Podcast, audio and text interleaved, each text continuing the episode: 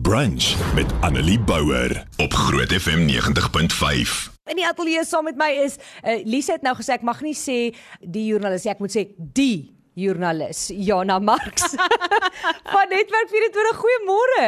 Môre Annelie, jy's lekker om hier te kuier. Hoorie, dit is so lekker om jou in lewende lywe hier in die ateljee by my te hê want ons het so baie waaroor ons moet gesels. Dis inderdaad die geval en is nie lekker buite nie, die weer is lekker, sommer net 'n lekker maandag. Sommer net 'n lekker maandag. So baie welkom hier by ons. Ek weet jy's gereeld op die groot ontbyt, maar deesdae gebeur dit ook alles via Zoom. So ons sien nie eers meer vir jou so baie in lewende lywe soos wat ons gewoond is nie. Dis skoon vir my vreemd geweest om vanoggend in te ry studio toe. Hoorie, Jana, ek dink ons gaan sommer met die deur in die huis val want ek het so baie dinge wat ek jou wil vra en ek wil probeer om by alles uit te kom. So ek het jou gekontak want ek het eh, so begin laasweek het ek uiteindelik Devilsdorp gekyk. En ek wil net vir jou sê ek blameer jou vir die feit dat ek vir die volgende maand gaan nagmerries hê oor daardie kry dit baie en ek sê byvoorbeeld jammer. So, maar dit is 'n ongelooflike dokumentêr. Ek dink dit vang alles baie mooi vas. Natuurlik het jy ook 'n boek geskryf, net so vinnig vir mense wat nou nog nie die dokumentêr gesien het nie of nog nie jou boek gelees het nie. Sê net vir ons so kortliks waaroor gaan Devilsdorp? So Devilsdorp gaan oor die hele verhaal rondom die Kreersdorp moorde. Ons het dit daardie tyd in die media ook die afspraakmoorde um, gedoop. En dit gaan oor moorde wat tussen 2012 en 2016 in die omgewing van Kreersdorp in Pretoria uh, gepleeg is. En op die oomblik is 11 van daai moorde gelink met hierdie groep Electus Perdius onder leiding van Cecilia Stein. Hulle is eintlik 'n kultus. Hulle het nou gemaak of hulle 'n bediening is, maar hulle is eintlik 'n kultus. Nou, ek weet daai eerste moorde oorspronklik in 2012 was gedoop die satanistiese moorde en niemand het oorspronklik geweet dat die twee later is eers later met mekaar gelink. Hulle het nie geweet hulle het iets met mekaar te doen nie. Die afspraakmoorde en die satanistiese moorde nou spesifiek nie. My vraag is net Na dit alles, jy het nou by die hofsaake gesit, jy het hierdie hierdie storie gevolg. Jy was by elke liewe ding, jy het on, onderhoude met almal gevoer. In jou opinie, was dit regtig satanistiese moorde? Glad nie. En ek dink as jy die dossierfoto's sien en dis gruwelike goed wat ek nie noodwendig vir mense sal wys as ek hulle so sien nie, maar as jy die foto's ook sal sien, um, is daar geen tekens van 'n rituele of 'n satanistiese moord nie. Uh, ek het met polisie gepraat ook wat daai tipe moorde ondersoek het wat ook vir my sê daai is eenvoudig net 'n koelbloedige wrede moord. Daar is mens mens dink aan tipiese goed wat jy eintlik nogal sien as jy op hierdie as jy hierdie reekse kyk op televisie ook. Ehm um, jy weet die pentagramme, die skrif in bloed, klomp kersse wat brand. Dis die tipe goed wat gewoonlik by so 'n rituele moord of satanistiese moord teenwoordig is. En daar was net geen van hierdie tekens hier. Die een die, van die van die eerste moorde het wel kersse gehad, maar dit was in die tyd van load shedding. Jy weet daar ja. was daar was materiaal wat gegaan het oor die okkulte, maar dis omdat mense deel was van 'n groep wat teen hierdie goed geveg het. Hulle het hulle nie beywer of hulle was nie deel van 'n okkultiese groep nie. En later is daar toe nou agtergekom dat daai eerste moorde was eintlik maar uit weerwraak gewees. Dit was as gevolg van Cecilia Stein wat kwaad was en iemand wou seermaak deur dit. Vertel vir my 'n bietjie meer van. Absoluut. Ek sê altyd daar's verskillende waarhede in hierdie storie. Daar's Cecilia se waarheid wat sy haar motivering Dan is daar die storie wat sy vir haar vriende vertel het. So Cecilia het hierdie ehm um, hierdie wrok teen haar vriendin, sy wil haar terugkry, sy wil haar seermaak. En vir haar vriende wat saam met haar nou in hierdie groep is wat mense vermoor, vertel sy nee maar ehm um, jy weet dit is ons doen hierdie eintlik vir God se koninkryk. Ons pleeg hierdie moorde vir God of in sy naam. En dan is daar natuurlik die waarheid. Ons weet dit is koelbloedige moorde gewees. Daar is geen regverdiging vir enige moord nie. So daar's altyd hierdie parallelle wat so saamgeloop het. Cecilia, Cecilia se storie en die storie wat sy vir haar vriende vertel het om hulle te oortuig om te moor. Jana, jy het oorspronklik teologie geswat, eh, wat vir my baie interessant was toe ek dit uitgevind het want ek het ook teologie geswat en kyk nou waar sit ons nou vandag. My aarde. Maar my vraag is nou, jy het nou jy het 'n graad in teologie gekry in 2013 en jy het oorspronklik eintlik meer kerkverwante stories gedek vir die koerant en dis eintlik hoe jy by hierdie uitgekom het. Sê gou-gou vir my, wat was vir jou die ergste ergste uit daai oogpunt van hierdie hele saak? Ek dink erg, maar ook wat vir my so geweldig intriguing was, was watter rol geloof speel. Wat gaan hier aan? Ek stap, ek het in daai stadium baie hofsaake gedek vir die vir die nuus. Ek het ingestap dag na dag aan 'n ander hofsaak. Mens kan nie altyd 'n hofsaak deursien nie. Hofsaake word uitgestel en dan sal weer 'n nuwe een op jou dagboek. En daai die eerste dag dat ek by die Kreeusdorp moorde instap, toe besef ek maar hier's iets anders. En die oomblik toe ek hoor maar hier is 'n 'n godsdiens hoek. Toe is ek onmiddellik geweldig geïnteresseerd want ek wou weet waar watter rol godsdiens gespeel, waar kom dit in? Dis asof my wêrelde bymekaar gekom het daar. Dit is ek dink dit moes 'n- dit moet 'n verskriklike ding wees om te sien dat iemand jou geloof vat en dit so misbruik en dit so verdraai om hulle eie agenda te pas.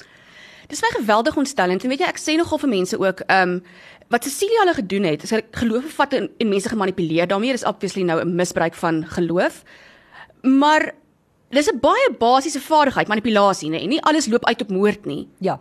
Maar om mense in die naam van godsdienst te manipuleer is 'n ding wat 'n mens so baie sien. Dis 'n ding wat ons oor eeue heen al sien. Dis 'n ding wat ons waarskynlik gaan aanhou sien. 'n Mens dink aan vreemde dink aan hierdie onafhanklike kerke. Onthou die die doemprofeet wat sy gemeente met doem in die gesig gespuit het om hulle nou, jy weet, te suiwer van uh, demone en sonde en, en dinge.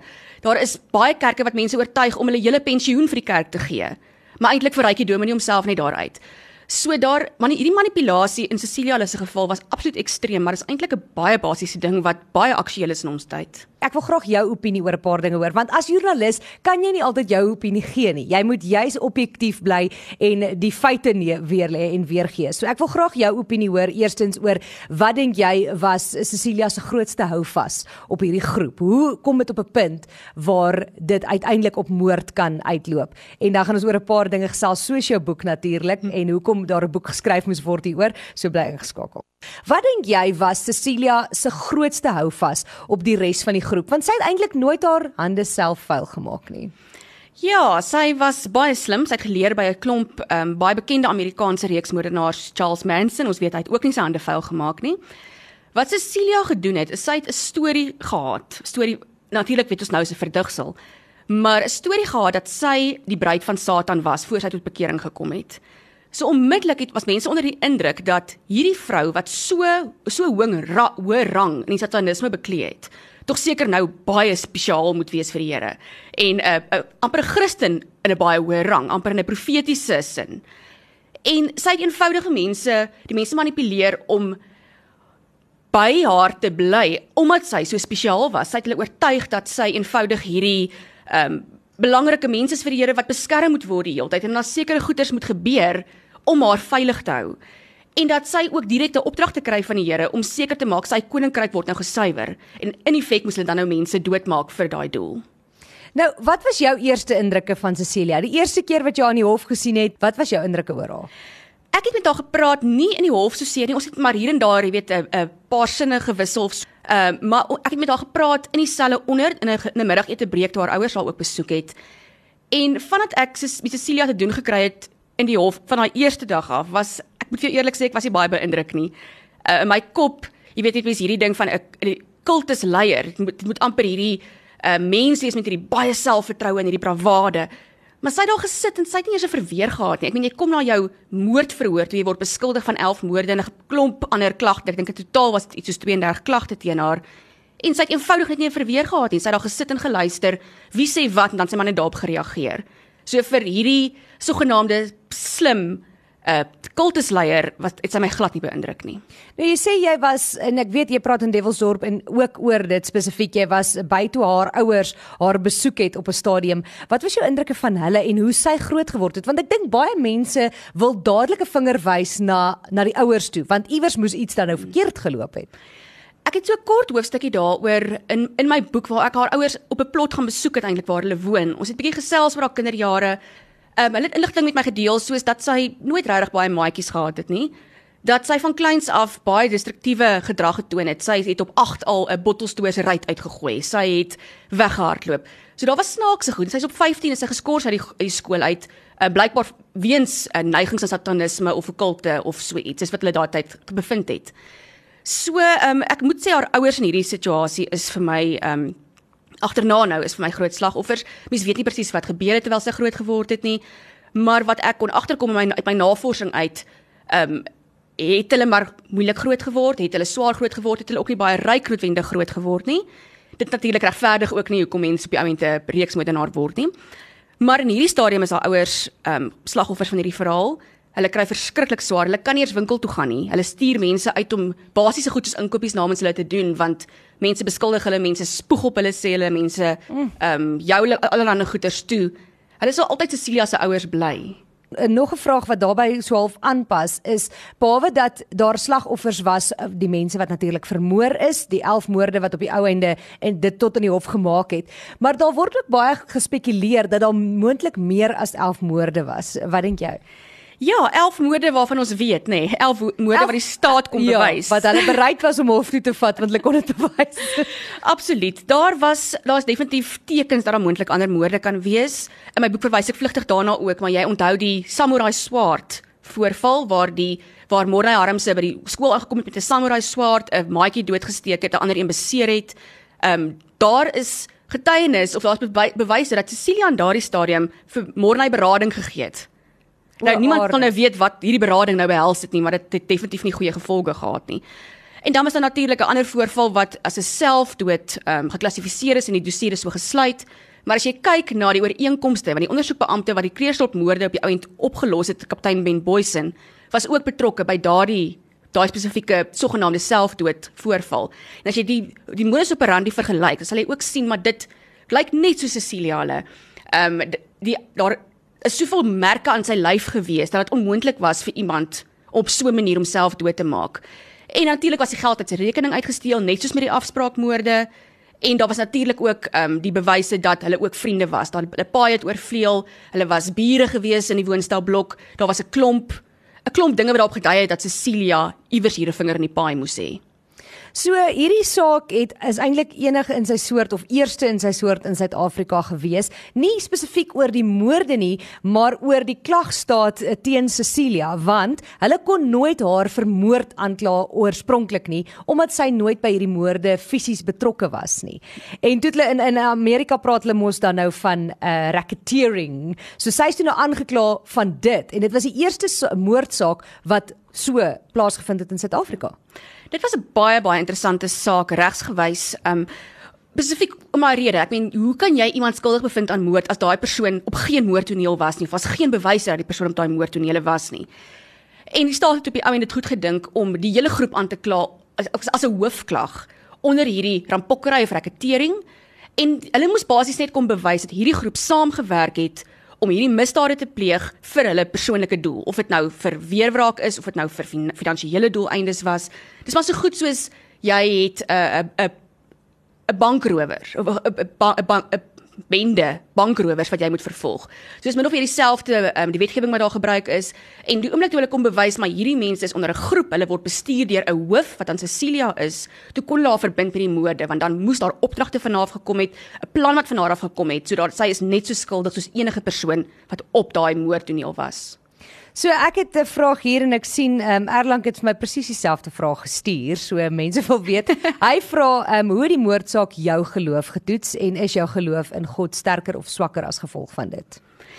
Sjoe, dit was aan die begin vir my 'n baie moeilike ding om te verstaan hoe gebeur hierdie goed in die naam van godsdienst. Maar wat vir my nogal 'n tipe van 'n 'n deurbraak was, is die oomblik toe ek besef die gelowe waarmee ons of die godsdienst waarmee ons werk in hierdie saak is nie eers die ware godsdienst soos ons hom ken nie. Die Christendom wat Cecilia gesê het sy in glo, is nie eers amper die Christendom waarin ek glo nie. 'n uh, Eenvoudige voorbeeld, sy sou preek uit die Ou Testament en sê maar God het vir Dawid gesê, "Julle moet hierdie volk gaan uitwis in my naam." Hy sê nou vir my, ons moet daai persoon gaan doodmaak. So daar's nie eers jy kan nie eers die Christendom met mekaar vergelyk waarin sy geglo het en waarin ek glo nie. Selfs met satanisme, die satanisme wat sy gesê het sy uitkom um, stem nie eens ooreen met dit wat die kerk van Satan voorhou nie. So dit was vir my dit was op daai stadium vir my 'n baie bevrydende oomblik want dit het my geweldig gepla. Dit het my gepla. Ek wou weet ehm um, en ek wou eintlik net weet het ons hier te doen met 'n donker mag of het ons hier te doen met eenvoudige wrede mense. En dit was vir my lekker om op die ou en lekker in daai sin van die woord maar om te kon besef, weet jy wat, hierdie is koelbloedige moorde. Uh, selfs die geloof wat sy nou kastig hier voorhou is nie eers die ware sin van die woord nie. Ek dink 'n groot ding is en dit, iemand sê dit ook op 'n stadium in in die Devilsdorp uh, dokumentêr, as jy vir die duiwel gaan soek, gaan jy vir hom kry. Ag, oh, oral, hoor, oral. En ons moet ook 'n bietjie praat oor die groot wat jy dink die grootste katalisator was dat dinge gekom het op die ou ende waar dit was en iemand vra ook 'n vraag oor Ria. So ek dink ons gaan dan bietjie teruggaan oor waar hierdie hele ding begin het. Natuurlik het jy 'n boek geskryf spesifiek hieroor. Hoekom het jy besluit om 'n boek te skryf oor die Kreersdorp moorde? Sjoe, kyk, ek was baie bevoorreg om um, van die min joernaliste te wees in digitale journalistiek wat 'n saak eintyd kon voer. Ek meen by netwerk 24 gebeur die dinge so vinnig dat 'n mens nie noodwendig kan sit en 'n saak tot by sy by sy uitspraak kan deursien nie, maar in hierdie geval kon ek. Dit was net die mense was het so baie belang gestel in die saak en ons almal wou weet wat nou volgende gebeur. En die inligting het ons net besef is geweldig baie. 'n Mens kan 'n nuusberig 300 400 woorde skryf, jy skryf miskien 3 of 4 van daai berigte op 'n dag. Maar iewers verloor mense die draad van die storie, soos wat die saak uitgestel word of 'n ehm um, of wel gespring word oor hof dae of naweke. En ek wou 'n dokument vir mense kon gee wat sê, weet jy wat, hier is die storie, want ek het soveel van daai inligting gehad, soveel van my notas in die hof gehad, soveel ekstra inligting in onderhoude gehad wat 'n mens nie noodwendig in 'n vinnige nuusberig kon insluit nie. So ja, dis eintlik maar die hoofmotivering gewees om daai volledige dokument te gee en ook met antwoorde te help. Die familie het agterna ook vir my gesê dit het baie van hulle vrae geantwoord want mense weet ook in die hof uh, kom al die inligting nie na vore en net net dit wat nodig is om natuurlik 'n suksesvolle vervolging te kry. So as 'n klomp ekstra goed waar mense nog wonder het, familielede van die slagoffers gewonder het en ja, die doel moes die doel van die boek was om daai vrae ook te kon beantwoord. En ek dink dit was dit is een van die vrae dan nou ook hier. Um iemand vra hier oor Ria, hulle het natuurlik die dokumentêr gekyk en hulle sê hierso dat hulle wil graag weet wat uh, was die houvas tussen Cecilia en Ria en um hulle sê as ek reg onthou was daar gesê Cecilia was getroud, so ons gaan 'n bietjie oor daai ook praat, maar ek dink mense het nie noodwendig verstaan ek het nie op daardie stadium ek het geweet van die moorde, ek het geweet oor rondom al die feite wat in die nuus was wat in die hof gebeur het op daardie stadium um, en daaroor het ons ook berig op Groot FM. Maar ons het nie noodwendig geweet waar het hierdie hele ding begin nie. En ek dink dit is hoekom ons dalk bietjie moet teruggaan. Waar het hierdie hele ding begin? Hoe het die groep bymekaar gekom en hoe het dit so ver gegaan op die ou ende? Ja, hierdie ding het al begin jare voor 2012 omtrent 2006. Ria het in daardie stadium haar eie bediening gehad en die bediening het hulle beywer vir mense wat uit die satanisme of uit die okkulte uitkom en wat tot bekering kom en dan nou 'n pad saam met die Here wil stap en Ria was daar om hierdie mense te ondervang en om hulle skills te leer om um om hierdie nuwe ek sê hierdie nuwe Christelike reis van hulle aan te pak. So Cecilia was net nog een van daai mense wat oor haar pad gekom het. Maar soos iemand dit baie mooi beskryf het ook, Cecilia was Ria se trofee oomblik. Want jy kan nou dink, Cecilia sê sy's hierdie hoë rang 'n uh, gerangeerde satanis gewees en sy's nou bekeer. Sy moet dan baie spesiaal vir die Here wees en Ria het gedink, "Sjoe, jy weet, hierdie persoon kom oor my pad. Ehm um, dit is absoluut my roeping om hierdie persoon te help." En dit is op die ouend maar hoe die mentorskap begin het. Ria is omtrent dubbel Cecilia se ouderdom, so sy was half tipe van 'n ma-figuur vir haar. Hulle was nog nooit regtig vriende nie, omdat 'n groot weens die groot ouderdomsverskil. Maar so Ria was basies die mentor. En Cecilia het absoluut obsessief geraak oor Ria se aandag. Sy wat altyd in die jy weet die middel van al die aandag middelpunt van die aandag wil wees.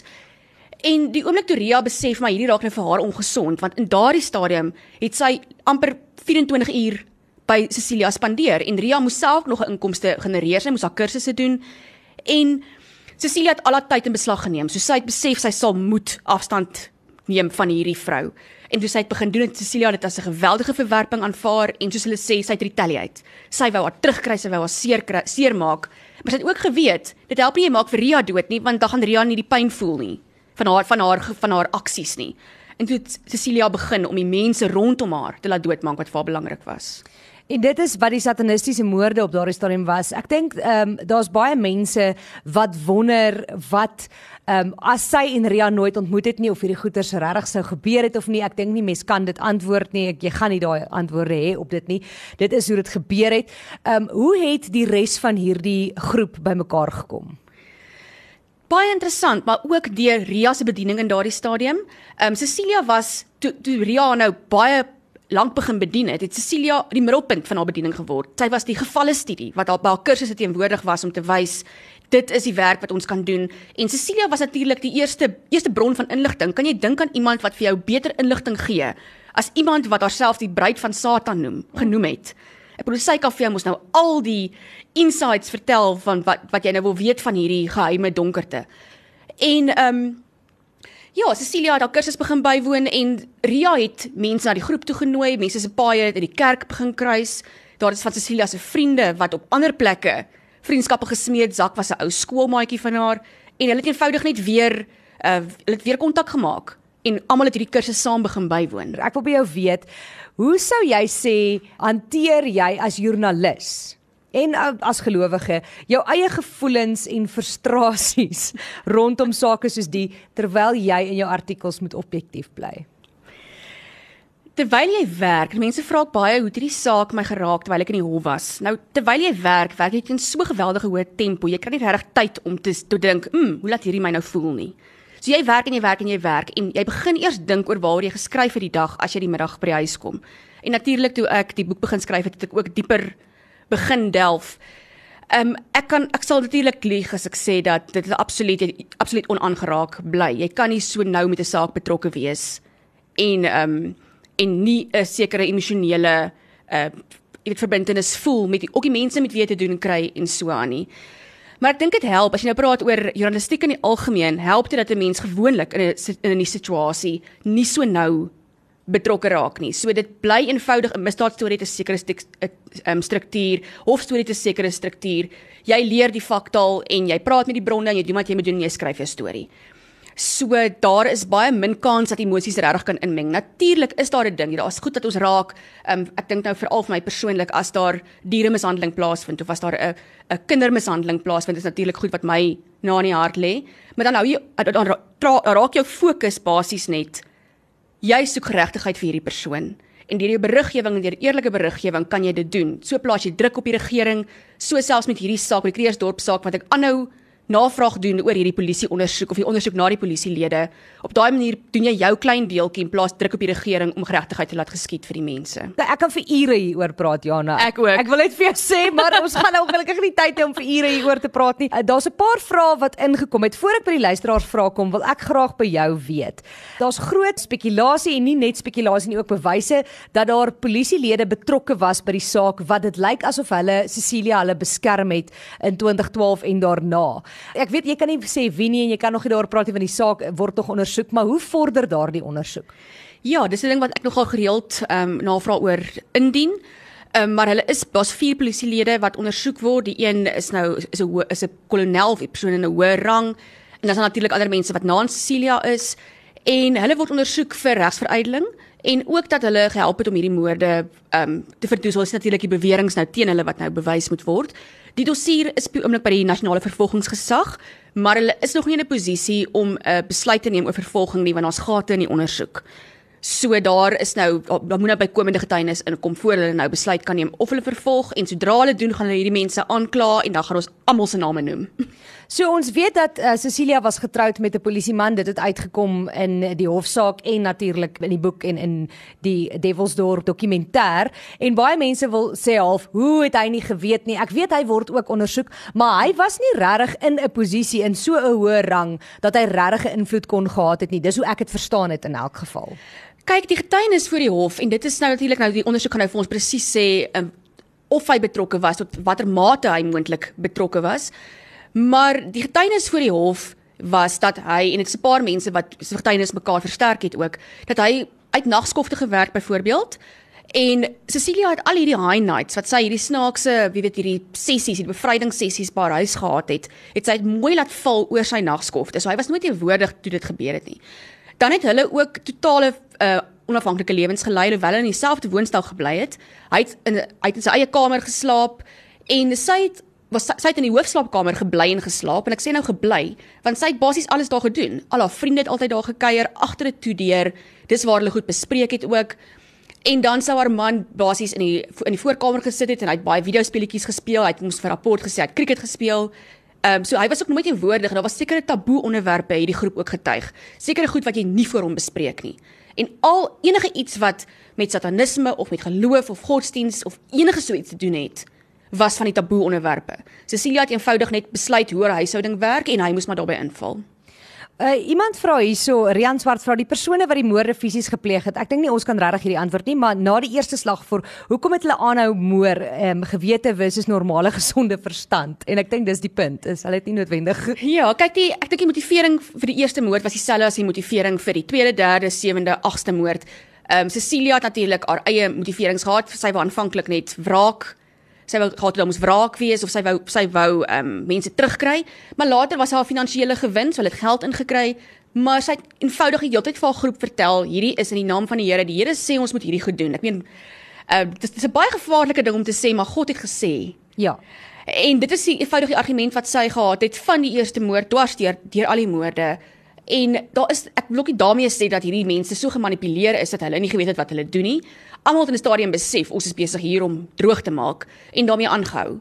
Maar dit was eenvoudig Cecilia, hulle motivering, dit was vir hulle geestelike ding en hulle het dit gedoen want hulle was mal oor Cecilia. Hulle was absoluut lojaal. Sy was hierdie charismatiese uh, kultusleier en sy het eenvoudig net al mense gemanipuleer.